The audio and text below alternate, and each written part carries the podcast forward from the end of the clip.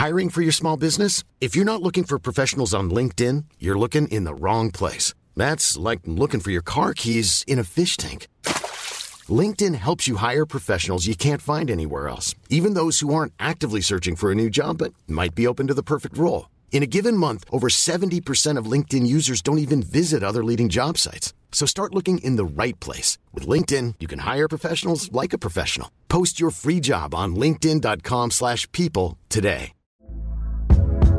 Hey there, it's Michelle Norris. I'm host of a podcast called Your Mama's Kitchen. When I travel, I'm usually looking for a way to find a taste of home when I'm not at home. And one of the things I love to do when I am at home is entertain. And Airbnb allows me to do that. When I was in California recently, I rented a house that had a great kitchen. And when we were sitting around the table, we we're all thinking, we're in someone else's house. Someone could be in all of our homes as well. If you have a home, but you're not always at home, you have an Airbnb. Your home might be worth more than you think. Find out how much at airbnb.com/slash host. Burrow is a furniture company known for timeless design and thoughtful construction and free shipping, and that extends to their outdoor collection. Their outdoor furniture is built to withstand the elements, featuring rust-proof stainless steel hardware, weather-ready teak, and quick-dry foam cushions. For Memorial Day, get 15% off your Burrow purchase at burrow.com slash ACAST and up to 25% off outdoor. That's up to 25% off outdoor furniture at burrow.com slash ACAST.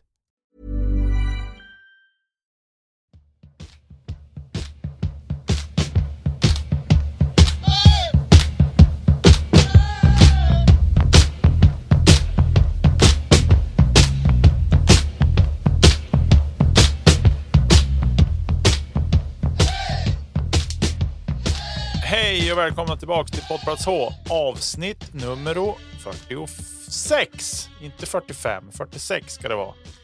En podd, om, en podd om hockey och sport i allmänhet och Björklöven i synnerhet. Och eh, jag börjar väl fråga, hur är läget med dig Josef? Ja, jag måste nog säga att jag är nog mer eller mindre fit for fight efter den här himmelens eh, kristallsjukan. Det är en bieffekt, högst oväntad och inte alls så trevlig. Kaffe smakar dåligt. Det är säkert. Jag vet inte vad det är för fel. Och det är inget roligt ska du veta. Eh, det går väl sakta åt, bet åt bättre håll i det också, men det trodde man inte alls. Man har bälgat i sig kubikvik med kaffe sen, ehm, ja, jag tycker, ja, älskar kaffe, men det, det går inte att dricka nästan. Jätte, jättemärkligt. Men så konstigt. Har du, har du googlat någonting på det där? För det där är ju konstigt. Nej, alltså, sambandet nej, känns ju inte som att det ska finnas för huvudtaget. Alltså, nej. Nej, nej jag, har ing, jag har inget att säga om det förutom att det är bara ett faktum. Ja, har vi någon läkare som lyssnar kan ni väl kanske förklara för oss hur det går till. För det känns det, sambandet, så här, balanssinne, eh, smaklökar. Det känns som att de är en bit ifrån varandra. Ytterst märkligt kan jag tycka. Ja. Men i övrigt, allt det är som en dröm allting. Det vart ju som lite vinter här då. Vi har fått några centimeter och det är minusgrader. Mm. Så att det är då lite ljust i alla fall. Men jag tror väl ha tin upp innan helgen. Men eh, ja, det är vad det är. Är det full vinter fortfarande? Det måste väl vara? Jajamän, här är det svinkallt. I morse var det eh, vad var det? 15 i morse när jag pep iväg på jobbet strax före sju. Eh, så det var. Ja, men det var lite kyligt. Det är några kalldagar här nu så att eh, man får klä på sig helt enkelt. Men det samtidigt så här, vi alltså. Det har nyss varit januari och nu har vi just klivit in i februari och det är ju fulla vintermånader, så det är inget konstigt att det är kallt här. Eh, men eh, solen skiner på dagarna och det är ju härligt att man får i sig lite. Man får se solen lite grann, för det har vi inte varit bortskämd med här tidigare under vintern tycker jag, så det är fint att den tittar fram. Och så. Eh, I vilket fall, i dagens avsnitt så ska vi prata om de spelade matcherna och de kommande matcherna såklart. Eh, och vi ska kika på truppläget och skador och så. Och sen har vi haft en lite, lite vad vi ska säga den senaste veckan, en tränarkarusell och vi har några avstängningar som vi också ska beröra. Och sen sist men inte minst lite övrig sport som alltid, men det brukar ju vara ett kort segment. Men jag tänker inte att vi krånglar mer än så, utan vi dunkar igång det här avsnittet på en gång. Jajamensan. Ja, vi har tre spelade matcher sen sist. Det är Östersund hemma, Almtuna borta, Tingsryd hemma. Vi tyckte väl att det skulle finnas god chans, eller nästan bör kunna smik, smet, smeta in eller smeka in nio poäng. Och här blev det faktiskt. Full pott. Gott så. Eh, och om vi tar de matcher som har gått och allt eftersom. Vi börjar med Östersund hemma där på fredagen. Seger med 2-0. Jätteroligt för Diorio att få hålla nollan. Fitz, han är, har bra löd i bössan och dunkar ner till powerplay och ett stenhårt bort i krysset som mål nummer två. Vad har du att säga om den matchen? Ja, jag såg den där matchen i efterhand då vi hade, ja, oturligt nog hade vi förmånen att spela innebandymatch och eh, så det var ju att prioritera den då såklart. Vi fick då vinna i alla fall, så det var ju bra. Eh, så att jag såg matchen i efterhand och det är ju. Men det är, en, är väl en dag på jobbet lite grann tänker jag sådär. Ja, men vi ser till att vinna matchen. Det är tre poäng in på kontot. Vi gör inte jättemycket mål, men vi vinner matchen och jag tycker att vi kommer undan ändå eh, rätt komfortabelt med poäng i den där matchen. Eh, det, är väl, det är väl det jag har att säga kring den matchen. Det är, mm, minnet sviker mig lite också så där. Jag har som inte hunnit liksom. Eller jag har inte registrerat allting så, men jag tyckte det var en, en, stabil insats och vi är ett bättre lag än Östersund. Det var liksom inga konstigheter så tycker jag. Ja, eh, jag tycker också att man, det är lite grann som en dag på jobbet. Vi gör absolut ingen toppinsats, men vi, vi gör det som krävs. Och det här är en sån här match som tidigare år och vi, ja men, kanske mot ett bättre motstånd i och för sig, men Östersund har väl ändå gjort det ganska bra sett till de förutsättningar de har, de är nykomlingar och allt. Det kan bli, alltså tidigare år är det ju lätt poängtapp en sån här match. Men nu liksom tycker jag det var ganska säkert och eh, vi, det är inte stora siffror, men vi i någon mening kanske städade av dem. De, de skapar ju en del, men det året han var ja, på ganska bra humör och tog det han skulle. Uppenbart när han höll nollan.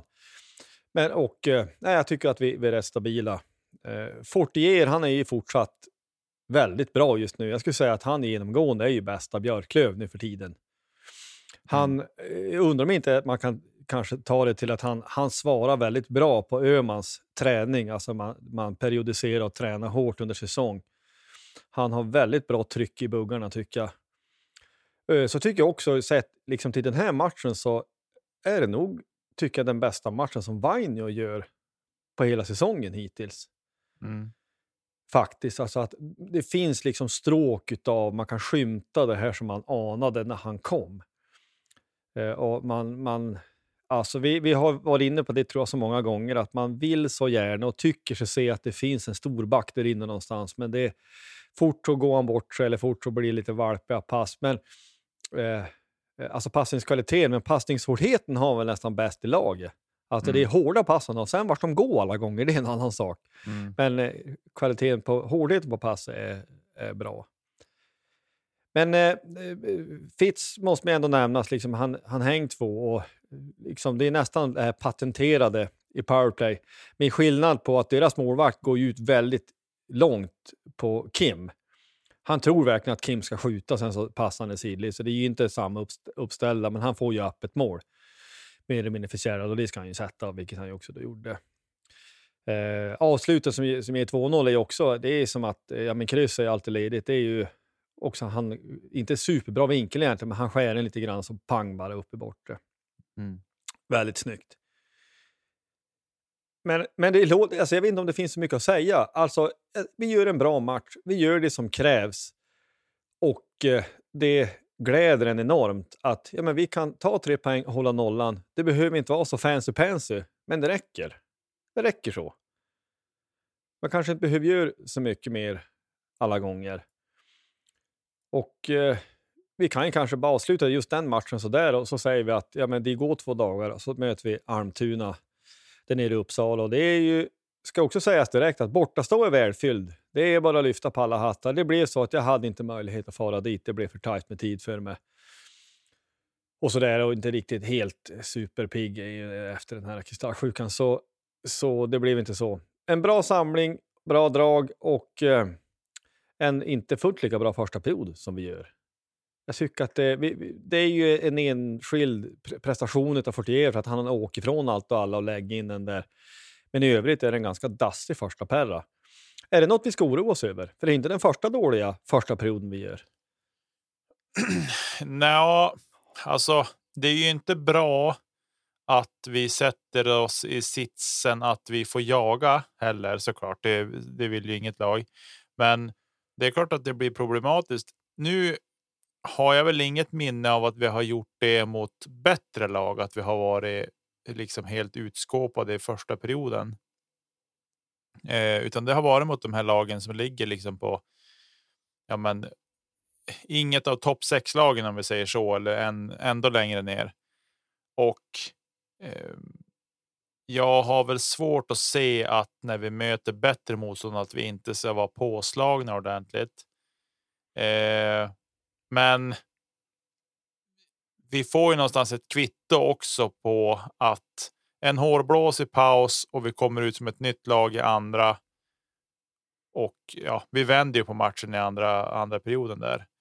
Och det är ju framför allt att det blir, vi får ett kvitto på att ja, men om vi bara gör åkningarna rätt, vi trampar i ordentligt, vi slår passningarna ordentligt. Alltså, man steppar upp i fokus helt enkelt så blir det så här. Alltså då vänder vi på matchen.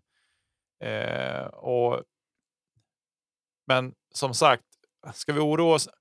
Nja, inte riktigt. Jag tror det här är mera en mental grej att att Almtuna är inget topplag eh, och att vi ska få möta dem i slutspelet tar jag för osannolikt. Men. Eh, det är ju inte bra, men jag, jag, tror att sen när det blir slutspel också så tror jag inte det kommer att vara ett problem med med taggning till att. Eh, se till att vinna matcher, för då är det något annat som står på spel liksom.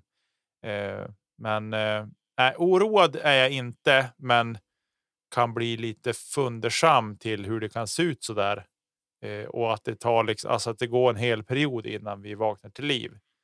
Eh, så det är väl kanske någonting som man, man kan fundera kring.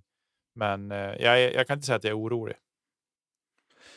Nej, nej, så måste man ju också vara ändå ödmjuk inför motstånd också på något sätt. Men vi, vi möter ett, ett Almtuna, ett välcoachat Almtuna på bortaplan. Det är ju inte bara att ställa in skridskor eller att de är superdåliga, utan det, ja, men det, det är ett hockeyallsvenskt Även om de eh, inte är liksom på övre halvan så, så varje, eh, varje given match så är det ju match. Man ska ju spela om det. Mm. Men det var ju väldigt påslaget. Det tog bara 10 sekunder. Så att Mustonen krånglade in den där och det var ju fantastiskt bra att direkt liksom kunna kvittera. Och där är det som att, ja det står 2-2, men, där, ja, men nu är det 0-0. Nu, nu börjar vi om, nu kör vi liksom. Nu är det två perioder kvar, nu kör vi. Powerplay fungerar ju bra där. Bägge två andra, eh, bägge andra till som tillkommer andra perioden är ju också i powerplay. Det är Fortier och Schilke som gör varsitt. Det, vi är just bortskämd helt plötsligt. Alltså vi har Schilke som gör mål jämt. Eller eh, ja, men hur många poäng, eller hur många matcher är han har med poäng nu på raken? Tio. Liksom, det, är, det är ju helt overkligt. Det är väl inte sen Sashas dagar det har varit så här. Eh, någonstans. Det är kanske den minnesgode kan minnas någon annan poängstreak, men det är ju otroligt att ha en sån hög nivå på, alltså som, som spets och som klass på, på spelare som man har i laget. Så man vet liksom att få de lägen, då smäller det. Um, däremellan så lyckas vi med, lyckas vi med konststycket att ha ytterligare en too many players on the ice. Mm. Det är man ju snart inte ens diskutera, för det är ju dumt. Så man, det går ju inte... Ja. Nej. Hur svårt ska det vara? Uppenbarligen jättesvårt, för vi, vi kunde ju inte räken, uppenbarligen. Nej, och det här är ju det är ju svårt det här. Alltså vems, vems ansvar är det? Och eh, i hockeyn så är det ju, ja men. Det är ju, ja, om jag härleder till innebandyn som jag håller på med så blir det så här. Ja, men om jag gör någon omkastning så där medan spelet pågår så är jag jättetydlig åt, alltså åt alla spelare vad som ska hända. Liksom. Men någonstans här under resans gång så i båset på en hockeymatch så måste det ju bli en miss någonstans eller att någon inte hör eller Liksom så. Men du, nu kommer jag på en sak. Det är ju den här som är så sjuk. Jag tar tillbaka allting. Den här är ju felaktig, den här Tomani. Det är ju när de skriker och han blåser flera sekunder senare. Björklöven har inte en man för mycket en enda tusendels sekund vid det här tillfället, faktiskt. Det ser man tydligt på reprisen. Eh, jag, jag hoppas jag ber om ursäkt. Eh, nu har vi tagit nog med, tog många, eh, tillräckligt många konstiga Tomani, men den här är ju faktiskt felaktig. Eh, Just det, det var den här nu. matchen, ja. Det stämmer Josef. Ja, ja precis. Och, och jag uppfattar som att han blåser för att de skriker. Och sen så då helt plötsligt så, åh, ja förresten. Och det ser man tydligt. Det är, han har klivit av redan, så att det där är inget. Ja, det blir lite konstigt segment just här då, men vi har tagit tillräckligt många så att det har varit ett problem. Men den här är felaktig. Mm. De får ju en ett par minuter tidigare, så att det är väl någon slags reaktion där. Att de, jag vet inte om de tycker att det ska vara rättvist eller någonting. Men den är felaktig. Men vi kan ju säga så här att, att eh, vi leder med, med 2-4 inför period 3. Och då tänker man ju lite grann också att ja, men är det tillräckligt mycket? Ja, när de reducerar till 3-4 då hinner man ju bli lite ängslig ändå, det måste jag säga. Mm. Men eh, då kom ju Sniper in igen med två och en halv minut kvar och s- städa bort det där. Så det blir bra. En, en annan sak som eh, gäller runt den här matchen och, och dömningen är ju att eh, Alex- Hutchins får en abuse of officials. Och beroende på vad men tittar man likadant där på reprisen, så meningsutbytet är ju inte långt. Han säger ju bara några få ord, så man undrar ju hur antingen hur otroligt mycket styggt han säger, eller om det är någon sån här lättkränkthetshistoria. Ja, jag, jag låter det vara osagt. Det var ju ändå en, en SHL-domare som dömde Mikael Nord. David Laxell, Dömer dömde han också en i SHL? Det kanske jag borde veta. Men det, Nord gör ju det i alla fall. Ja. Ehm, Det jag vet, den där situationen, jag tänkte också på den. Jag tror att Hutchings ska tilläggas, han skakar också på huvudet när han åker därifrån. Utan, jag försvarar ingenting så och domarnas vägnar, men han skakar på huvudet. Och eh, ibland så behövs det inte mer än så. Och han kan ju ha sagt någonting tidigare också. Alltså förstår du? Han kan ha varit på. Det kan sammantaget kan det bli att det här blev en, men just den situationen som upp, upp alltså som skedde där och då kanske inte var tillräckligt. Men det kan ha hänt saker tidigare under matchen där Hutchings har haft åsikter och tyckt till om saker och sagt saker som gör att ja, men nu fick de nog. Nu var det liksom färdigt. Det vet vi ju inte. Eh, men är det bara för den där situationen enskilt, då är det ju äh, då är det för dåligt. Och jag, Ja, men alltså, det är väl lite, man kan väl bara säga så här. Det, det är ju inte så att det skulle vara någon större skräll att just Hutchins skulle ha någonting ackumulerat. Det vore ju inte konstigt någonstans att han kan, kan, han kan ha sagt något innan. Ja, eh, för jag. Jag gillar Mikael Nord. Jag har liksom alltid gillat honom eh, och har väl liksom.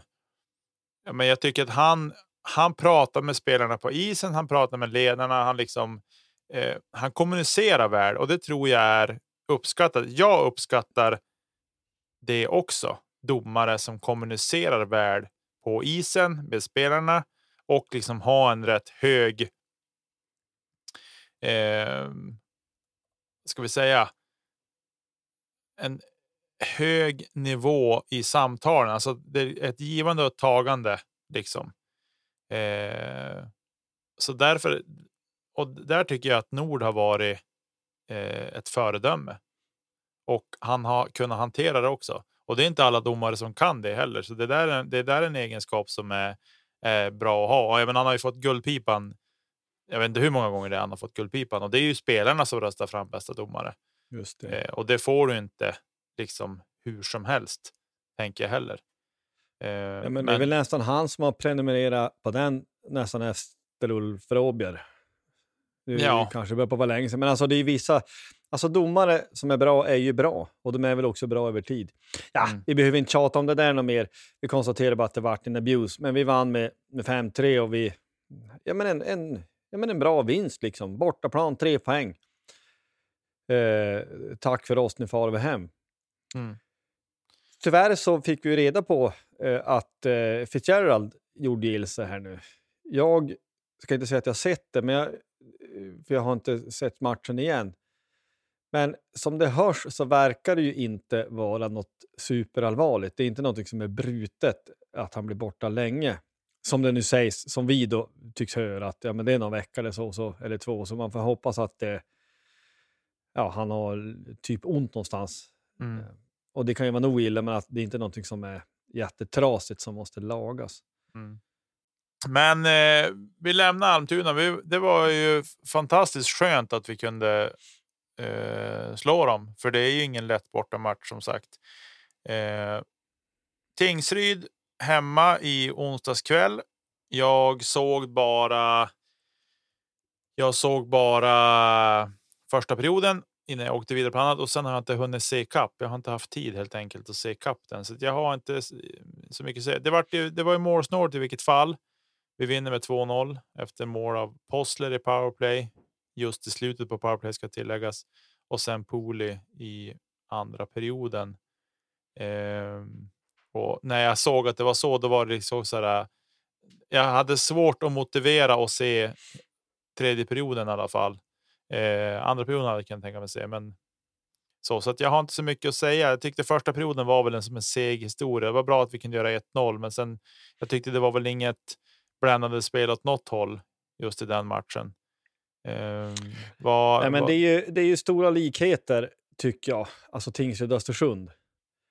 Alltså, det är dagar på jobbet, inte bara nu att resultatet blir detsamma. Det är på något sätt att vi gör det som krävs.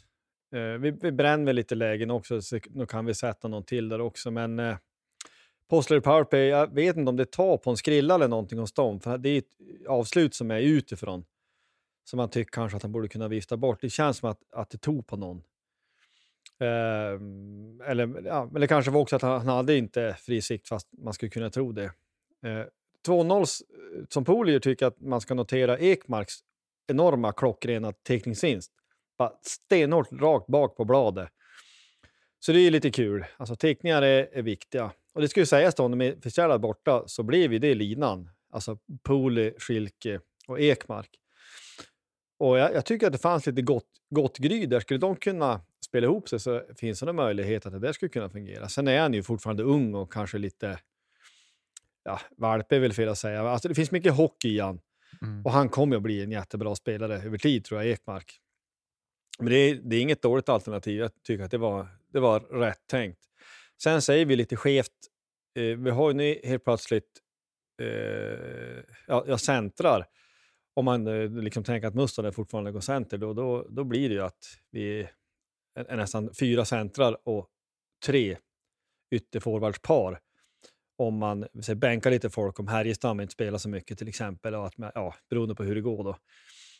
Men eh, det var ju roligt att Olofsson var tillbaka, äntligen.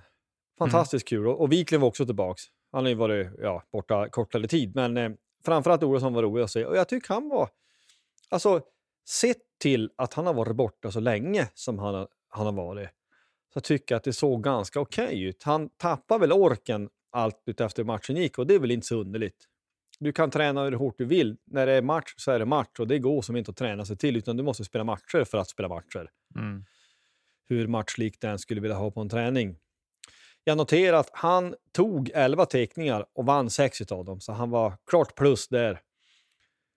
Och det är en annan sak som jag har faktiskt reflekterat, eller faktiskt, faktiskt, jag bara reflekterar över det en match där att, eh, och när man har börjat tänka på det så tänker man på det nästan jämt, sen det är att vi är väldigt konsekventa med att teka med bladet ut mot sargen. Det kanske alla gör, men jag har försökt att tänka på det och det är inte nödvändigtvis att alla gör det, men vi gör det jämt. Det är därför du kan se att både Hutchings och Fortier tar teckningar i, ja, men på, i högra teckningscirklar eh, Mm. från vårt mål sett, just därför att du ska ha eh, sargen ut mot bladet. Har du reflekterat över det någonting? Ja, lite grann. Jag har sådana där, ja, lite detaljstudering har det väl blivit. Eh, sådär. Och sen, du har ju pratat om det där tidigare och sen dess har jag, har jag tänkt på det. Och det stämmer ju att det är så. Eh, och ibland kan man ju säga, men varför teka Hutchings för när vi har folk inne som kan teka? Men det är ju, finns någon sorts anledning till det. Eh, och det är väl för att kanske inte åka på klockrena spelvändningar emot sig heller, att det finns en orsak till det. Eh, Ja, men man är väl också rädd att även om du vinner en teckning så kan du vinna in i banan. Mm. Framförallt i defensiv zon så är väl inte det helt eh, eh, nyttigt kanske alla gånger. Det kan bli riskabelt i sin tur. Mm. Jag menar, ibland kan, kan man ändå gilla när det blir mönster. Alltså att man gör, man gör samma sak varje gång. Alltså att man är kugga i systemet. Vi ska spela upp efter sargerna. Ja, men då gör vi det även om det är kloggat med människor. Det spelar ingen roll. Det är så här vi gör. Mm. För nöter vi på över tid så kommer det alltid att löna sig att göra så. Mm. Um, men det var ju då skönt vi fick revansch mot dem, mot bara för några helger sedan, när det var inte alls så bra. Um, men tar man teckningar igen, så jag, som jag, eh, Freddan Andersson, han hade 6-6, 50 procent. Mustonen, som i grunden är forward, hade det jobbigare. Han tog nio, nio teckningar och förlorade sex. Um, det skulle egentligen vara intressant att veta hur viktigt det är med teckningar. Alltså sett över tid, om man kunde sammanställa en statistik om en eh, mm, teckningsprocent och vinstprocent, om det finns någon som helst korrelation därigenom. Spontant så tycker man kanske att det borde göra det, men jag vet inte. Ja, men alltså det finns ju många fördelar med att vinna teckning. Dels att du får pucken, eh, men sen är det ju också det att slippa dels i försvarszon, slippa börja jaga och ställa upp och försvara. Det är ju där. Eh, I offensiv zon så är det ju samma sak, att inte behöva jaga eh, ihjäl sig heller, utan att få börja med pucken och få den gratis i anfallszon utan att behöva att, att alla ska ut ur zon och sen ska de in igen och allt det där. Eh, så det är ju superviktigt att få de där sakerna att funka. Ja, men alltså, jag håller med dig till 100 procent. Utan frågan jag ställer mig är att ja, men om man också kan se att eh, ja, men ett, ett bättre lag vinner ju i regel. Men om man kan se att om du har ett lag som är grymma på att teka men som eh, på ett sätt kanske i alla fall på papper inte är lika starka, om det ger en så pass fördel att det genererar poäng också. Det tror jag. Det tror jag det, att det gör. Ja, ja, jag vet inte. Alltså, spontant så, så, tycker jag också att det borde göra det, men jag vet inte. Äh, det där får man kanske försöka ta reda på eh, vid tillfälle. Men det, det är ju intressant att men Olofsson som inte har spelat på länge som helst, ja, men han vinner ändå fler teckningar än han förlorar. Mm. Det är som att vissa har det där. Och han är ju grym på teka, så det, han kommer att vara viktig för oss. Det är jag helt övertygad om. Mm. Ska, jag vill också nämna att när Kronholm dråsade in i sargen och liksom vek ihop sig där, då var man ju beredd att bara kasta ut tvn genom, genom fönstret. För att jag var helt säker på, det syntes som att på reprisen, aha, han vred knä, det där var korsbandet. Menisken, ledband, korsband, allting. Knäskålen ur led.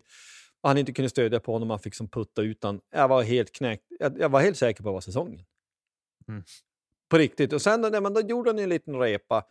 Ja, men då var man ju rädd att han leaving the bench, att han skulle få det där eh, i periodpaus. men här lyckas ju han ju klara sig undan. Så fortsatte han att spela, så att det kanske... Han vred och vi dodged a bullet. Mm. Eh, och det, det, är klart, knä är väl också så att det kan, också, det kan trycka någon nerv och något så att det gör så fruktansvärt ont. Spontant, men eh, det kanske, ja, det är uppenbart att han repar till sig i alla fall. Ja. Det är viktigt att han spelar. Han gick med en ispåse runt knät efter matchen och det var väl eh, sådär. Och rapporter kom att han har inte tränat idag heller. Så att han, han är kanske lite öm och så, men att han inte tränar det är lite mer så här, ja, men det är någon försiktighetsåtgärd bara att han får vila då. Eh, han är garanterat med på matchvärmningen imorgon och redo för match på kvällen. Det är jag helt övertygad om. Mm. Eh, det är om det ska ha hänt någonting annat som de har upptäckt i efterhand eh, att det inte är så bra. Men eh, det känns som att om han spelade klart matchen så känns det som att nej, då så illa kan det inte vara, tänker jag. Nej, jag hoppas inte det eh, i alla fall. Det är väl det som kan vara, det som kan vara lurigt, det är ju det här när, du, ja, men under, när det är match, du har adrenalin på slag. Och sen så, ja, men då kom svullnad efteråt. De kanske lindade det stenhårt direkt. Och sen så kom lite svullnad sen och du, du får tillbaka känslan. Ja, vi hoppas att ingenting har gått sönder. Med lite tur så ja, är, det, är det ingen större fara. Jag, tror, jag, jag försöker tänka så här också. Björklöven har en rätt skicklig läkarstab också och framförallt så har de en knäspecialist som är läkare eh, i Marcus Bolin. Så jag tänker att jag tror inte att de skulle släppa utan att spela heller om det fanns liksom alltså att det var fara för att skada sig ordentligt över längre tid. Så eh, jag tror att så pass professionella är de nog att de säger att ja, det här kommer inte gå. Du kommer kunna skada dig för säsongen om du kör. Du får vila eh, nu. Det är en seriematch liksom. Eh, men eh, eftersom att han fick klartecken att spela och att han kände själv att han kunde spela så tänker jag att ja, men då är det nog en smäll, men inget mer än så. Ja, men det kan ju för sig vara så att Rahima titt, Rahimi tittar under lugg. Ja. och liksom lite, lite stillsamt påpekad, du har ju två knän. Ja. Exakt vad är problemet? Så kan det ju vara. Människan som kan amputera ett ben och ändå ska spela. Ja, vi är tacksamma i alla fall att det, det verkar inte vara någon, någon, större fara. Utan att vi vet exakt vad som har hänt så får vi vara... Att han fortsatte spela sen är ju positivt. Det är inte så glimrande, men tre vinster och eh, att du vinner fast du inte gör dina bästa matcher, det säger väl också någonting om någonting. Alltså starkt att kunna vinna utan att du måste alltid prestera 100 procent. Mm. Tycker jag. Ja, för dagen var det väl en hundraprocentig prestation, tänker jag. Alltså, ja. Det gjordes vad som krävdes för att vinna matcherna. Ja, och så tycker jag också att, att det var lite likheter med Tingsryd borta. Eh, nu senast här matcher som, eh, ja, matchen som jag då var på.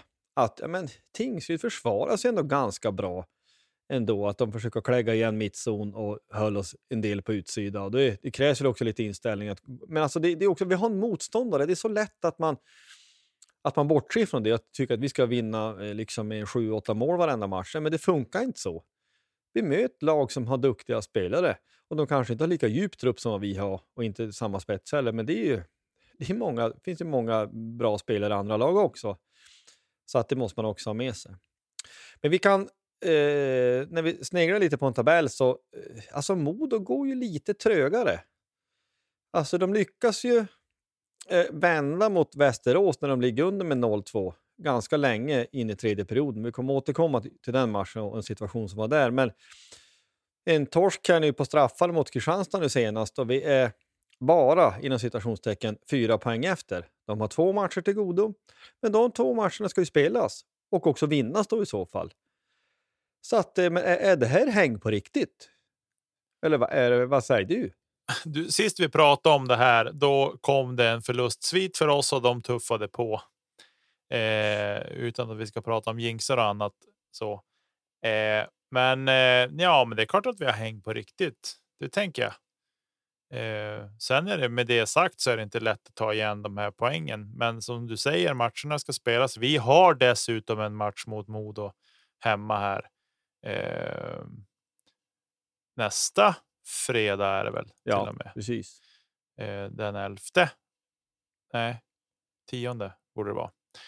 Eh, och eh, ja, så att nej, jag tycker att alltså vinner vi den, då börjar det tajta ihop sig ordentligt. Så att eh, vill jag väl ändå någonstans påstå att vi har häng, men eh, samtidigt så är det vi ska avsluta serien så bra vi bara kan. Sen bär det dit det bär. Så försöker jag tänka och inte fokusera för mycket på första platsen. Eh, men det är klart, det vore ju. Det vore ju. Häftigt att kunna hämta igen det stora försprånget de har haft, men även att vi kan. Ja, men att vi får då chansen att välja först i slutspelet och hemmaplansfördelarna och allt det där. Det. Nej, det vore ju häftigt, men nu tänker jag jag försöker vara lite tråkig och säga att nej, men nu ska vi fokusera på Kristianstadsmatchen. Eh, sådär. Ja, nej, men alltså, jag, jag håller med dig i det. Och, alltså att komma igen och, och ta, faktiskt knipa första platsen tror jag blir, blir svårt fortfarande. Men bara det faktum, låt säga att Modo vinner serien, eh, men de gör det med bara, ja, men säg bara ett par, ett par poäng, så är de ändå favoriter, men kommer ju inte in i ett slutspel i samma form som vi är. Vi kan ju faktiskt notera att vi, vi har ju inte förstärkt laget på samma sätt som vad de har gjort. Och de har ju inte på det sättet fått samma utväxling än. Nu har vi tjatat oss blå, det ska vi fortsätta göra. Allt handlar om att vinna säsongens sista match. Men det är ju inte så att det har varit en sån enorm träff på eh, de spelare de har tagit in än så länge. Det, det måste man ju ändå, liksom, utan att säga, eh, säga för mycket, Mm. konstatera. Så att eh, eh, han har ju, alltså Brickley till exempel, han har ju spelat åtta matcher och gjort två poäng, minus två. S- Som ett exempel, en spelare som också vi var efter. Så att, eh, det, att ta in spelare under säsong, det vill vi göra. Men det är ju inte helt bara att det är spe- självspelande piano bara för att vi får in fler skickliga spelare. Mm. Nej, Eh, så, precis. så är det. Ja, nej, men vi, vi tuffar på. Det ser kanske inte så, så glimrande ut som sagt, men vi vinner i alla fall. Nio poäng in på kontot och jag tänker att vi går vidare och pratar om de matcher som kommer.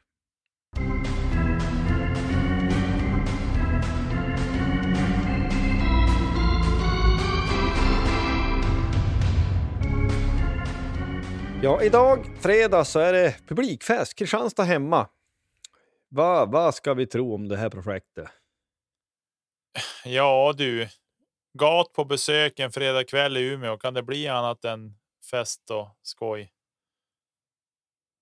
Tänker jag. ja, nej, men. Eh, eh, jag tänker väl mig att eh, det är en tuff hemmamatch. Ska jag säga. Kristianstad är svårspelade och när de spelar på sin topp så är de inte lätta att slå. Det ska vi veta. Eh, men ja, någonstans så vill jag väl tro och hoppas på att vi ska kunna ta hem den här matchen. Jag hoppas att vi får. Det är lite så här. Det har, vi har haft lite problem, eller problem ska jag inte säga. Vi har haft. Vi har varit bortskämda också, men liksom vi har senaste tre matcherna så har vi gjort nio mål och släppt in tre och det är ju tillräckligt för att vinna matcherna såklart. Men eh, det känns som att vi skulle behöva göra mer än två mål. Håller vi nollan spelar ingen roll, då kan vi göra bara ett mål. Men du förstår vad jag menar? Att vi skulle behöva få komma igång där lite mer. Eh, det båda är ju för fullt hus i alla fall i och med att det ska vara en, den så kallade eh, vad säger man? En kronas matchen eller? Ja, ja, men det är publikfest, publikmatch. Det är någon slags match. Björklövens Det- sponsorer går in och betalar entrébiljetten för eh, samtliga och att jag tror att spelarna också ska bidra med lite pengar. Eh, sak i samma, så det kommer vara mycket folk på plats och bra tryck i ladan brukar innebära även att grabbarna i laget eh, taggar till ordentligt och vill göra en bra prestation. Och, eh, så det båda är för tre poäng, men som sagt, det ska spelas om det. Kristianstad är inte inte lätt att ha att göra med och de kan spela en hockey som kan ställa till det. Men när de tar poäng borta mot Modo. Eh, om än på straffar så vinner de, men ändå. Och jag tror att de. De, de är inte för, där för att bli kompis med någon för huvudtaget de och dessutom har de en tränare som definitivt inte är här för att bli kompis med någon. Så att ja, det. Det blir en tuff fredagkväll tror jag. Och jag ja, hoppas det, det, såklart att jag har fel. Ja, jag måste säga det att det var ju eh, när Jörgen Hanneborg som stod mot Modo, så det blir ju då Filip Larsson får vi utgå ifrån, som står mot oss. Och han är bra. Han har ja, men 92,5 procent i räddningsprocent, 2, 28 insläppta per match. Att det, där är, det är en fin målvakt. Alltså, är han på humör så kan han stjäla en sån här match. Mm. Faktiskt. Mm. Han är bra. Men med det sagt, en sån här match, det är klart vi ska vinna. Det tycker man alltid. Men det tycker jag absolut att vi, vi borde ha alla chanser till. Det ska bli intressant att se dem. Eh, ja, det är väl kanske för tidigt än för Fitzgerald, men att vad vi ställer med för lag.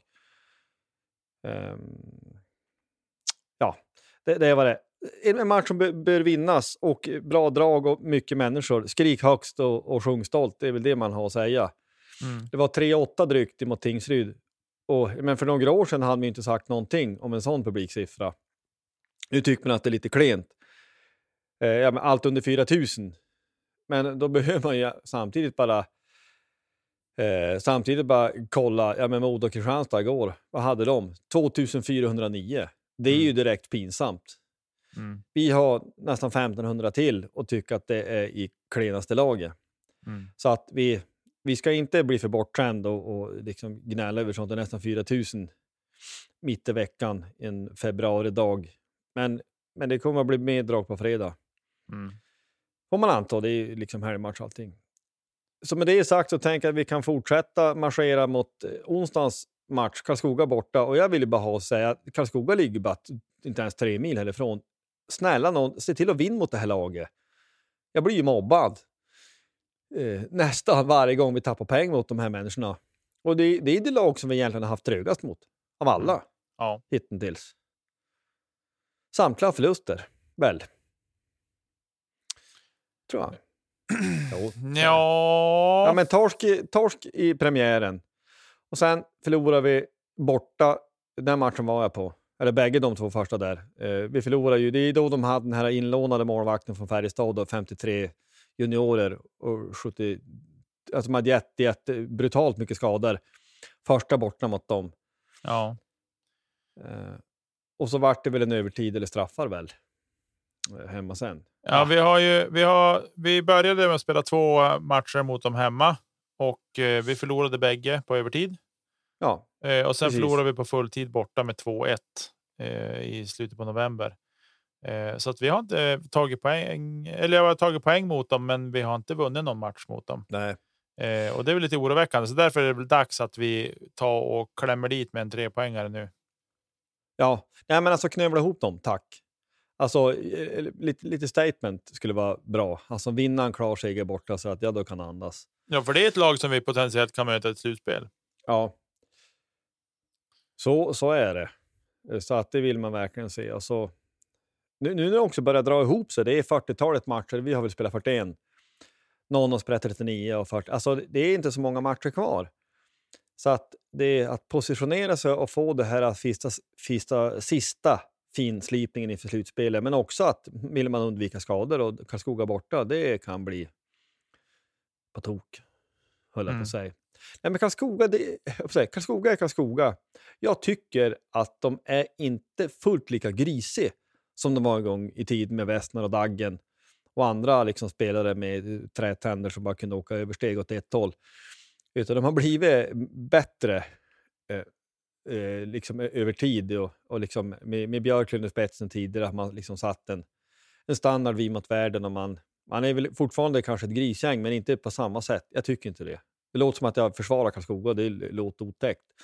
Men, eh, men lite grann så. Men det här är en svår bortamatch, det är det. Ja, det är det ju definitivt. Och sett till våran statistik mot dem så är den. Det är ju typ säsongens svåraste bortamatch. I princip. Ja, Eh, och det är ju inte bra om vi går in i ett slutspel och har fyra torsk mot en potentiell slutspelsmotståndare. Eh, det är inte alls bra. Men såklart, har de fyra vinster så kommer de allt närmare förluster också mot oss. Men det skulle vara gött att visa att vi kan slå dem också. Ehm, och det har ju varit jämna matcher uppenbart där det har varit uddamåls eh, differenser bara. Så att ja, Eh, det är en riktigt tuff bortamatch. Och men eh, för moralen i laget och för liksom att ja, men känslan också att vi kan slå dem eh, och att vi gör det ordentligt. Det ska ju vara riktigt gött inför slutspelet. verkligen. Och, och på tal om svår bortamatch, Modo möter de borta idag fredag. Eh, när vi släppte det här avsnittet. Och nu har inte jag riktigt tid, men jag hade nästan lust att fara på den. Bara för att, att kolla. Mm. Eh, lite så. Nu blir det inte så. Men eh, det är ju också en, och en ganska intressant match. På tal om nu, om vi nu har eventuellt teoretiskt tänkt på första platsen och inte. Karlskoga är ingen match du bara fara och hämta tre pinnar på. Det gör du inte. Nej. Så- enkelt är det. Det skulle ju vara skönt med sex pinnar. Och det tycker man som med alla matcher vi spelar att vi borde ha stor möjlighet att ta full poäng. Men det, det ska göras också. Kristianstad hemma bör ju vara, allt annat än tre poäng är ju en jättebesvikelse. Mm. Eh, Karlskoga borta en onsdag kväll i februari vore det skönt med tre poäng, men det vore inte en besvikelse på samma sätt. Även om man skulle vara besviken om det blir torsk, eller poängtorsk till och med, så är det lite grann en annan sak. Hoppas vi håller oss friska också, som sagt. Det är ganska viktigt. Mm. Ska vi tro att, eh, nej, det är så mycket mellan Jonas då bägge? Ja, det tänker jag väl, men rätt vad det är så får, får Diorio stå mot Kristianstad och så får Jonas stå eh, mot Karlskoga kanske. Jag vet inte. Men eh, som Jonas spelar nu på slutet också så kanske, ja, men då kanske vi får räkna med att det är han som står på båda. Ja, jag tyckte nog det. Tyckte det också. Ja, men vi kanske lämnar det därhän. Det är kul med, med matcher. Det hjälps inte. Vi pratar lite om truppen. Vi konstaterar att både Wiklund och Olofsson var tillbaka. Vi nämnde också att eh, Fitzgerald eh, var, eller är skadad. Han spelar inte här senast. Återstår att se hur allvarligt det, det där är. Hopp, förhoppningsvis är det inte så superallvarligt. Karl David Bodin, han spelar inte mot Tingsryd. Vad vi förstår så är väl någon förkylning där, va? Ja, vi hoppas ju det i alla fall. Det var dag till dag. Den Ja. klassiska som vi har fått vänja oss vid. Ehm, så att eh, vi får väl. Vi får väl tro och hoppas att det är någon, någon förkylning eller någon feber eller någonting som gör att han. Han eh, är borta, men förhoppningsvis är han tillbaka snart. Ja. Det är välbeställt på backsidan än så länge, peppar peppar, så att eh, vi har ju Jusula där som då får spela lite mer. Och, ehm, ja, det, det är ju ingen fara på det sättet, utan vi har ju backar så att det i dagsläget i alla fall räcker. Även om man om då såklart vill att alla, eh, alla ska vara friska och kry. Men det börjar ju dra ihop sig. Det är ju ett par veckor och knappt det kvar till transferfönstret stäng. Vad tänker vi och tror vi om det? Vi har ju snurrat kring det här mer eller mindre varje avsnitt på slutet. För det, vi förväntar oss ju spelare in. Men eh, än så länge har det ju inte kommit någonting. Och nu direkt överhuvudtaget man får nys om att det släpps någon spelare. Allt ifrån att det är John Quenneville i Leksand eller att det är någon från HV71 eller att det är någon Halmstrå, Ryck i Vessel eller vad som helst. Så är man ju där. Men vad, vad tror vi egentligen? Eller vad tror du? Alltså, jag tror att det kommer att komma in två spelare. Det känner jag mig mer eller mindre säker på. Sen kanske det inte blir de här bomberna som man hoppas på. Eh, det har varit så oförskämt tyst kring Björklöven och nyförvärv totalt sett tycker jag någonstans den här vintern. Mer än alltså sånt som man har läst sig till och, och rykten som har kommit till en så. Men. Eh, jag menar. Mr Madhawk har ju inte heller aviserat så mycket kring. Ja, men vi var inne. Vi var med liksom med.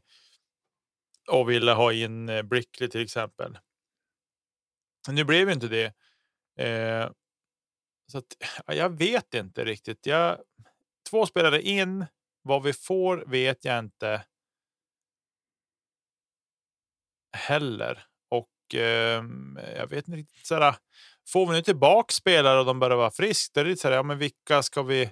Vilka ska vi flytta på och inte? Men det forwardpositioner finns det att fylla på med bättre spelare på. Det tycker jag vi kan konstatera. Eh, så att, men eh, jag skulle vilja ha in någon till som typ som Fortier och så någon till som är. Eh, ja, men. En riktigt bra center till skulle jag vilja ha in. Ja, det är väl det som har varit aviserat hela tiden, att, att centersidan ska förstärkas. Och då, eh, så långt man kan förstå, så är det ju en... Det är inte en breddcenter, utan det är en center som utmanar Weigel om första linan. Alltså det är en sån center som ska in. Och att, att de spelare, spelarna finns är en sak, men att man ska kunna värva dem är en annan. Att, att marknaden är sett till världsläget, eller beroende på världsläget, är kanske inte som det är en vanlig säsong. Det är man helt införstådd med. Men samtidigt så förstärker ju till exempel Modo och andra lag sina lag. Men jag tror att, eller jag väljer att se det och tror som att ja, men vi hade också kunnat värva någon breddspelare från ESHL med bra mustasch. Men vi, det är inte intressant på det sättet, utan vi, vi siktar och, och krafsar på en högre hylla. Jag tror att det är så. Och det kan väl också sägas att ja, men vi nås ju ibland av uppgifter att vi har väl kontakter som många andra har. att, eh, som vi kanske då får i förtroende. Så att man, alltså vi, vi hör ju rykten och hör spelare som kan ha varit på gång men som inte är klar. Så att det tyder på att vi siktar på en hög hylla. Men inget är klart förrän det är klart. Och rykten kan vem som helst sprida, så det får man ta för vad det är. Men jag, att, att Perkente är väldigt aktiv och aktivt söker spelare och att vi har nog varit nära på flera stycken, det är ingen större, det är inte ens en gissning, utan så kan vi nog konstatera att det är. Men vi hoppas att det ska landa rätt. Och eh, ja, men sett till gruppdynamik och annat så tror jag också att man gör klokt i att vara försiktig. Alltså, vi, alltså hur, hur, gruppen mår och hur truppen mår. Ja, men det handlar inte bara om att slänga spelare hit eller dit. Det är inte automatiskt att alltså kanske gruppen mår så bra alla gånger. Det där är ett ämne som vi kommer säkert att ha handledning att komma till senare, inte minst när, eh, efter 15 februari när truppen är klar. Men ja, det, det ska fortfarande bli intressant, intressant sant att se. Eh, som vi nog också har sagt vid något tidigare tillfälle, att men sen när Weigel kom tillbaks, hur lättränad han är, men det får vi hoppas och tro att han är. Nej, men det blir ju på ett sätt som ett nyförvärv. Och jag minns ju, men när var det då? Det, men det blir ju för, för tre år sedan, när vi tog in han. Det var ju det en bombvärmning. Alltså, det var ju helt overkligt. Alltså att inse att nu går vi före. En sån som Weigel var ju då ytterligare ett par år innan någonting som skulle vara helt omöjligt att få in. Så att det, vi, vi, ska inte heller glömma bort vartifrån vi har kommit. Att man börjar spri, skrika om spelare som är helt orealistisk. För tar man de här SHL-spelarna, det är ju jag menar, en sån som Quenneville, ta han som ett exempel. Jag har ingen aning om hur aktuell han skulle vara. Jag, eh, idag har jag inte haft tid att kolla, det är torsdag när vi spelar in där. Om han redan har gått till Europa, för det får man väl nästan utgå från. Men oavsett vilket så kände ju han ju duktigt med flis i SHL. Och även om vi har pengar att värva för så vet jag inte, men är det rätt, rätt spelare att lägga pengar på, även om vi skulle ha chansen? Till exempel, eller vad tyckte du? Nej, alltså någonstans får man ju. Vi ska inte dumvärva heller. Eh, jag skrev på ett socialt media som jag egentligen inte tycker om på Twitter häromdagen och tyckte att det är inte läge att plocka in typ Johan Sundström nu när det kom mm. ut att Fitzgerald var skadad. Eh, han har kört på, men där är det ju. Jag fick ju svar där då. Eh, allt eftersom så fick jag svar på den där tweeten om att eh, ja, men det sitter liksom fast hos Frölunda också, för de vill att någon ska ta över avtalet. Eh, och han sitter på en rätt fet lön också. Och, och sen är det väl det att han kanske inte heller vill spela vart som helst. Än om jag tänker att ja, men han borde vilja spela hockey i alla fall. Eh, men det hade ju varit en kalasvärvning. Eh, stor, stark, bra på rören, bra tekare och har spelat stora matcher. Så på så vis är det ju en, en lite grann av en fantasi, men det hade varit en kalasvärvning. Jag ska bara eh. säga innan jag säger någonting. Alltså han är, går till Belleville Senator i AHL. Quenville. Då vet vi det. Då kan vi uh, ja, städa om han så att säga. Ja, det blir lite rörigt, ursäkta jag avbryter, men jag håller med om Sundström. Alltså man kan väl i alla fall liksom kick the tires, alltså sparka på däcken och kolla sig för. Men eh, som du hörde, jag, jag såg det där också, att eh, ja, men det är också en klubb som man ska komma överens med. Alltså det är inte bara en spelare. Och han sägs ju tjäna bra med pengar. Och även om pengar är inte allt, ja men hur många skulle vara villiga att gå ner en tredjedel i lön och kanske mer än så för att spela eller att du tjänar dina pengar, för det är ju stora pengar som man också kan liksom spara ihop om man har en familjeförsörjare och allt det här. Men det är ju märkligt det är så ytterst märkligt där att det kan ha skurit sig så fruktansvärt mellan spelare och klubb. Det skulle vara intressant att veta vad som har hänt där med Sundström alltså. Mm. Ja, vi behöver inte spekulera mer i honom. Kommer han så kommer han och det vore väl en kalasvärmning, men även väldigt mycket pengar. Jag tror att det finns annat att plocka av som har spelat och som är liksom igång ordentligt i matchtempo och annat som som eh, kanske kan vara bättre. Men det kändes som när Fitzgerald blev skadad. Kände bara, oh, men hur ersätter vi han? På en väldigt torr och tunn marknad.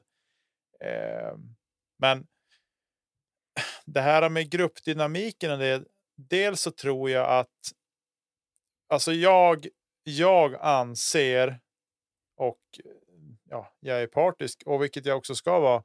Men jag anser nog någonstans att vi har ligans bästa lagkapten. Mm. Eller lagkaptener ska jag säga.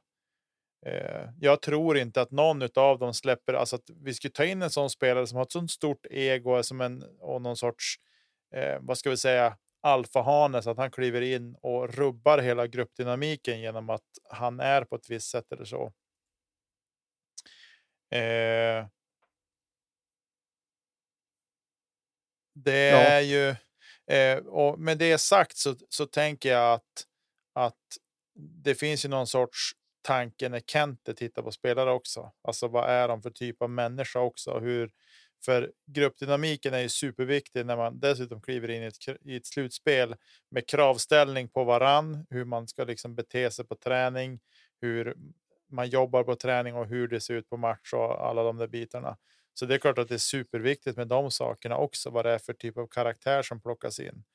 Eh, men med det sagt så tror jag att våran kaptensstab som vi har i Björklöven tillsammans med ledarna så tror jag att vi kan eh, hantera sådana spelare som kanske har ett lite större ego men någonstans ändå får dem att funka i gruppen. Ja, jag vill ju tro det också. Eh, det, det vill jag faktiskt. Och det, vi, vi är från supporterled, precis som du säger, och vi, vi är färgade. Nej, jag tycker väl också över tid så har det väl ändå visat sig så att vi har bra gruppdynamiker. Det är den, den uppfattning man får, det man hör i alla fall. Med det sagt så säger vi inte att det är dåligt någon annanstans, för det vet vi inte. Men det är den känslan man har. Ja, nej, men det, får bli, det börjar dra ihop sig så att nu har vi ju sagt länge att vi får se vad som händer och det ska bli intressant. Jo, men i och med att fönstret är som sagt knappt två veckor bort.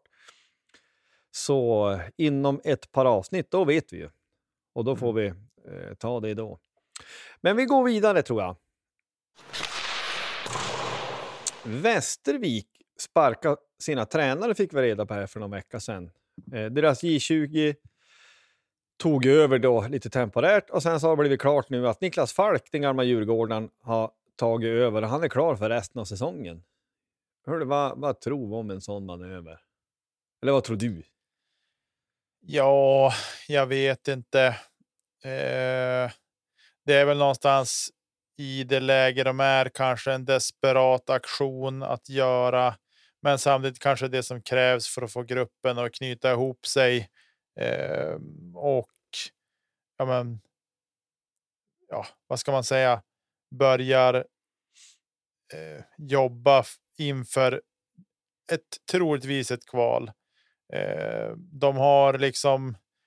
De har 10 poäng upp till säker mark med en match mer spelad dessutom.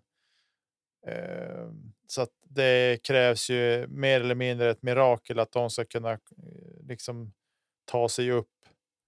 Eh, dels förbi Tingsryd, men sen även förbi Östersund också då i sådana fall. Och det har jag väldigt svårt att se att det ska hända. Ja, nej men så är det ju.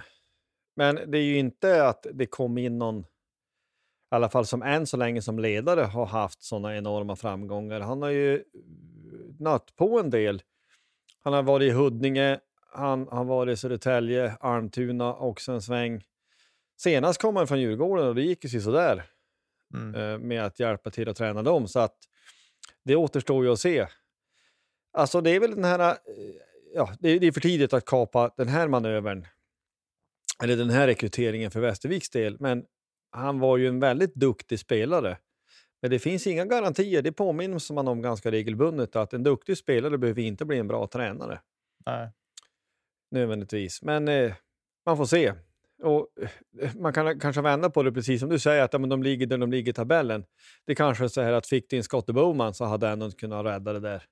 För det kanske till, till, syvende och sist är så att man är inte tillräckligt bra, helt enkelt. Man har inte tillräckligt bra lag. Men de har ju också värma en, eh, en ny spelare, en, en fem plus-musch måste man ställa. Cole Ully. Både muschen och namnet eh, får ju en att drömma om eh, stordåd. Han har väl inte spelat någonstans i år. Han har väl varit skadedrabbad och så förut vad jag förstår.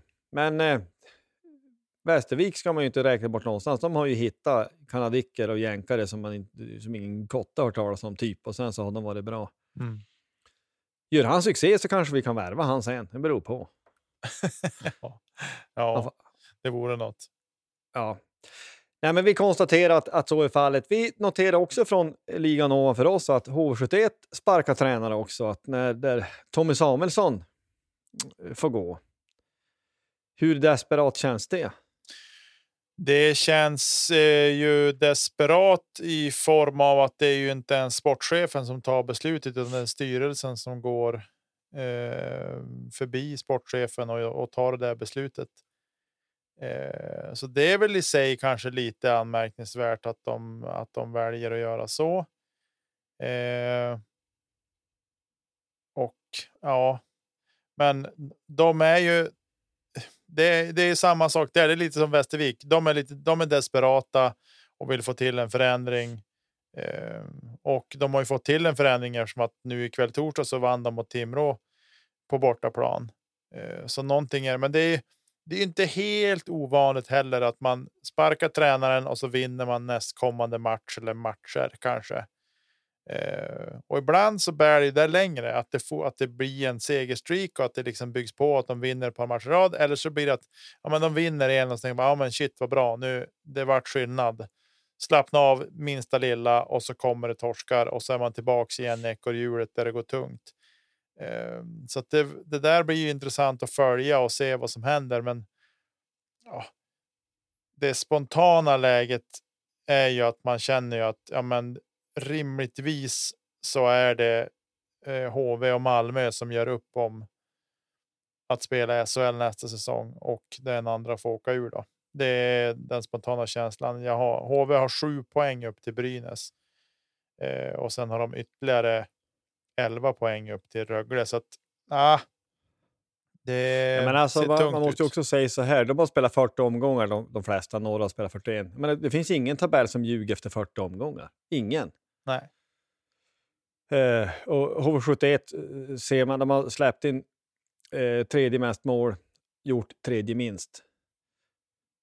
Så att det är väl kanske så att de är exakt där de ska ligga. De är inte varken bättre eller sämre. Sen som de har fått ut, har fått ut eller tycks ha fått ut mindre av sin trupp. Det, det måste vara, för jag menar på pappret så har de ett starkt lag, men de har inte uppenbarligen inte fått ihop det. Men jag tror att det blir, det blir HV Malmö. Något annat vore ju en riktig praktknall i så fall. Um, ja, det ska bli intressant att följa. Precis som bottenregionerna i Hockeyallsvenskan så är det ändå... Alltså bottenstrider, man är ju ingen större människa att man tycker att bottenstrider är ju kul också. Ja, så länge man inte behöver delta själv så. Ja, ja exakt. Det var du som sa det. Ja.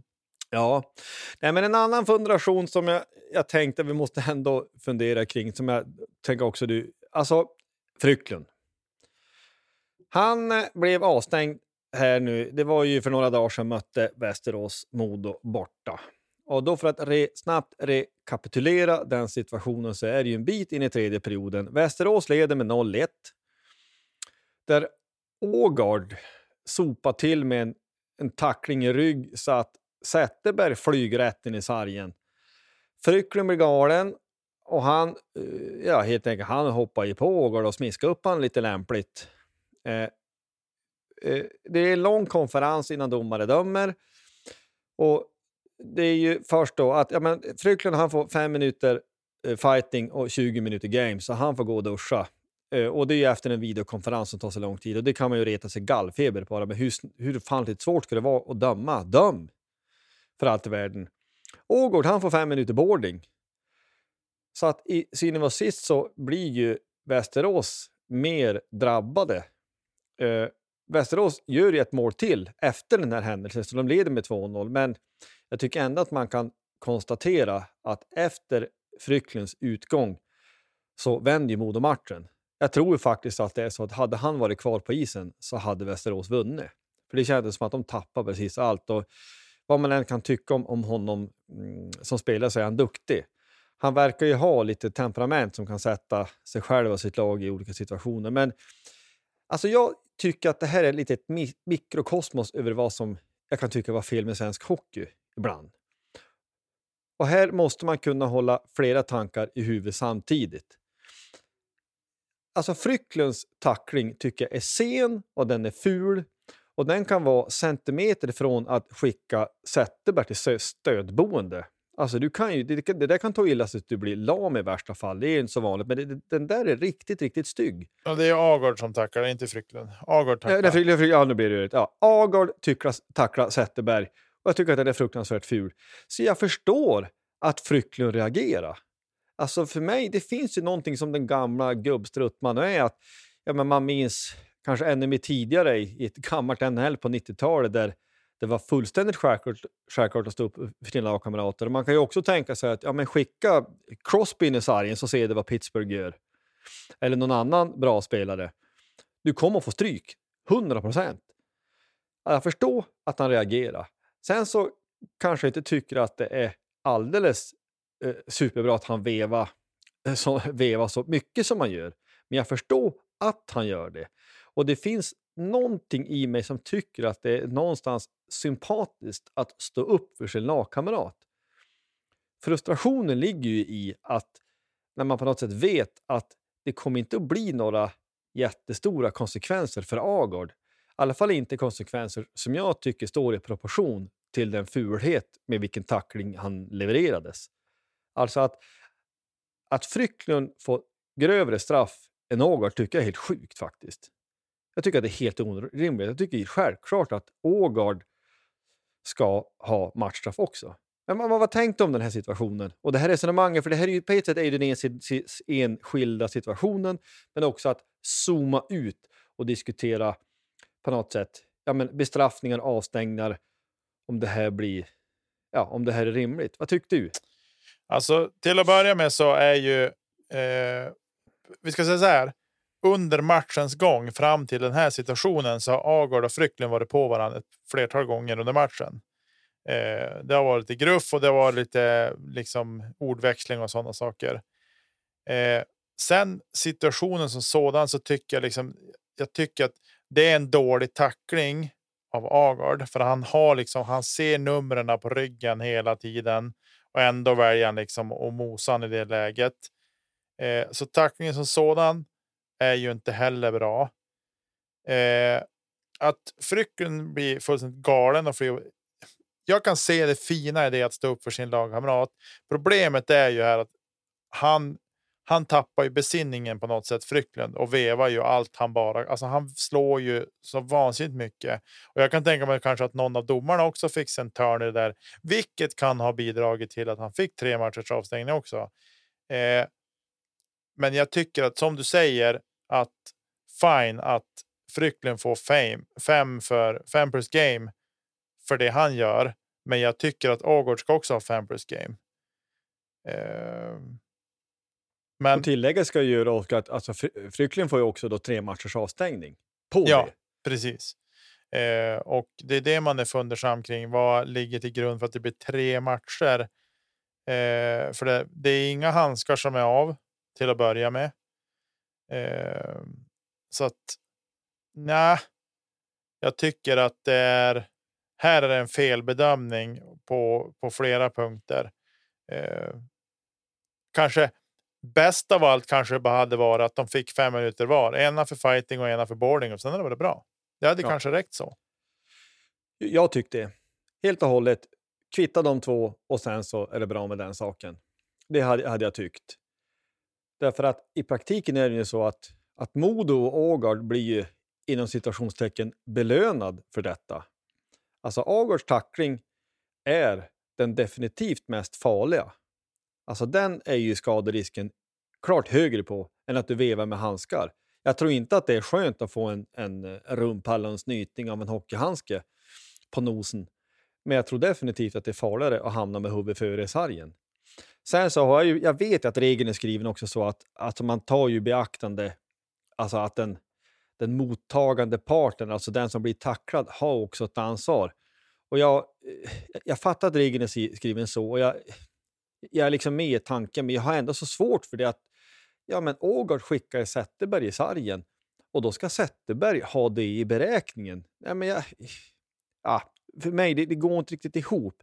Alltså man, man kan ju inte ställa sig en halv meter från sargen och sen eh, inte förstå att man kan bli tacklad. Men det måste väl ändå vara den tacklande parten som har det största ansvaret. Alltså, det handlar ju också synen och sist om att ja, men det är ju människor. Det är med människor. Och även fast det är ett spelare i ett annat lag så kan man väl kanske försöka ha lite respekt för varandra. Nu händer det ju ingenting så. Men jag kan också tycka att man måste kunna bärga sig och inte bara, bara för att du kan skicka någon rätt in i sargen eh, så kanske man inte måste alla gånger. Nej, men det är precis som du säger. Det är människor och det handlar liksom någonstans respekt också för sin motståndare. Att ja, men jag kommer kunna. Jag kommer kunna tackla den här i vilket fall. Jag kommer kunna få stopp på honom här i vilket fall. Eh, alltså den balansgången. Eh, och vi kan prata hur länge som helst. Ja, men det går fort i hockey och hej och hå hit och dit liksom. Så, men jag tycker fortfarande inte att tackling är inte bra. Eh, nu fick han fem minutes boarding. Okej, okay, fine, det kan jag köpa, men jag tycker att Frykten ska få fem minuter fighting. That's it. Spela vidare, men att han får tre matchers avstängning för det här sett till vad vi har sett för tacklingar i år som har renderat i avstängningar till exempel. Eh, vi har en tackling i en match där Frölunda spelade där Jakob Nilsson får en riktigt ful knätackling. Den är riktigt stygg är den. Och där blir det två matchers avstängning. Ja, är inte han borta fortfarande? Jakob Nilsson alltså? Ja, jag tror att det kan vara säsongen. Ja. Där. Och... Jag menar, för det knä, måste, knätacklingar det är nästan det värsta av allt. Ja, sådana där du skickar med huvudet före sargen också, för, men alltså knätacklingar, de är vidriga. Därför att där är skaderisken så oerhört påtaglig. Och flyget knä, ja, det, det är i säsongen och ännu värre kan det vara. Det kan ju vara karriären till och med. Ja, och han har dessutom kommit tillbaka från en knäskada. Nu vet jag inte om det var det här knät som han blev tacklad på, men alltså sett i perspektiv till varann. Frycklund slåss med handskarna på. på. Inte helt utan anledning heller. Han får tre matchers avstängning. Det är samma disciplinnämnd. Det, jag tycker att det är rent ut sagt bedrövligt när man sätter de här två situationerna mot varandra. Eh, Ja, men 100 procent. Och det är det här som vi, liksom, vi vill lyfta upp. Alltså det här när man kan kalla ett mikrokosmos över vad man kan tycka vad som är fel med svensk hockey. Det är den här, alltså det är den här totala inkonsekvensen. Och, och att det är, liksom man, det är lätt och man kan raljera över tombola och allt möjligt, men det, det är ju inte rimligt. Alltså en tackling som skickar någon på sjukhuset och skickar någon så att den inte kan spela med den här säsongen i värsta fall. Och en annan som jag menar, i värsta fall får näsblod och inte ens det och kan absolut spela nästa match. Vart är proportionerna? Sen så, ja, vi fattar också att man kan inte döma efter konsekvenser. Men man också kan liksom döma ja, efter uppsåt. Alltså, jag tror inte att Mikael Frycklunds uppsåt är att skada Ågard. Det är att markera att så här gör du inte. Mm. Och eh, jag, men, jag tror någonstans att det är inte bara dåligt om det finns några lite hårdare och större killar i ett motståndarlag om man jämför med en här återigen att du kan inte göra vad som helst mot vem som helst. Därför att då vet du att du, du, du kommer få smisk. Alltså det blir någon slags konstig terrorbalans, men jag, jag tycker ändå att det, ja, det är inte bara dåligt. Alltså att gör du något fult så ska det få en, eh, ska det få en, en konsekvens som gör att du tänker till nästa gång du gör det. Och vi, vi liksom förespråkar inte att vi ska, man ska, folk ska gå omkring och jaga varandra, men som det är nu, det här är ju helt orimligt. Det är väl det vi liksom försöker säga.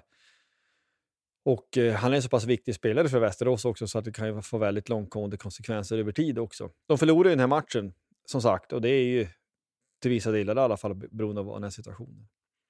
Ja, äh, men det var, kändes som att det är en sån här sak man nästan vill prata av sig för att det kändes så enormt frustrerande att ja, men det här, nu är det ju samma knas igen det här orimliga att det här ska hända. Ja, och Men, med det sagt så är det ju inte heller så att vi liksom så här, tycker synd om, om Frycklund på något sätt. Alltså, det är mer situationen. Oavsett vem det är som nu hade blivit avstängd så är det ju. Alltså perspektivet kring det här är ju att det är. Ja, det är skevt. Det är någonting som är knasigt. Jag ska säga om det är samma disciplinnämnd eller inte till 100 procent, det vet jag inte. Jag tror att det är det, men jag är inte 100 procent säker. att det är så. Men som jag fattar så säger de att de, det, de anmäler till Svenska ishockeyförbundets disciplinnämnd. Eh, Mm. Så att, men i vilket fall så tycker jag att det är bedrövligt arbete de har gjort och det känns som att de har kastat tärningen och så vart det trea på den. Så bara, ja, tre matcher Ja, Eh, och tre matcher utan Frycklen för Västerås i det läge de är i. Det kan vara jättestor skillnad sett till utgången på säsongen. så är det ju. Så är det ju verkligen. Så det är ju inte... Ja, det, det blir väldigt långtgående. Man kan också vända på det, om vi ska avsluta det, man kan också vända på det och tänka sig, ja men eh, det här vet ju Frycklen om. Alltså, alla vet ju om att det döms så här. Alltså att slagsmål eh, är väldigt, eh, ganska, alltså ganska gravt beivrat. Så att du kanske måste hålla dig i skinnet. Men det är kanske är lätt, lätt att sitta och säga i stridens hetta när du ser din lagkamrat ligga vid sargen. När någon, eh, för jag menar, Ågard är ju ingen... Alltså, ganska känd både retstick och, och kanske fegis också om man kan säga så. Alltså en som... Eh, eh, ja, de som lyssnar på de här alla lövarna tror jag fattar exakt vad vi menar. Han är den typ av spelare han är. Någon som är lätt att reta sig på. Så att det ska man också ha med sig. Men vi, vi kan lämna det där här, men det, det kändes ändå som någonting som man ville diskutera lite grann. Och, men vi, vi kan gå in lite för landning, vi tar lite övre sport. Jajamän.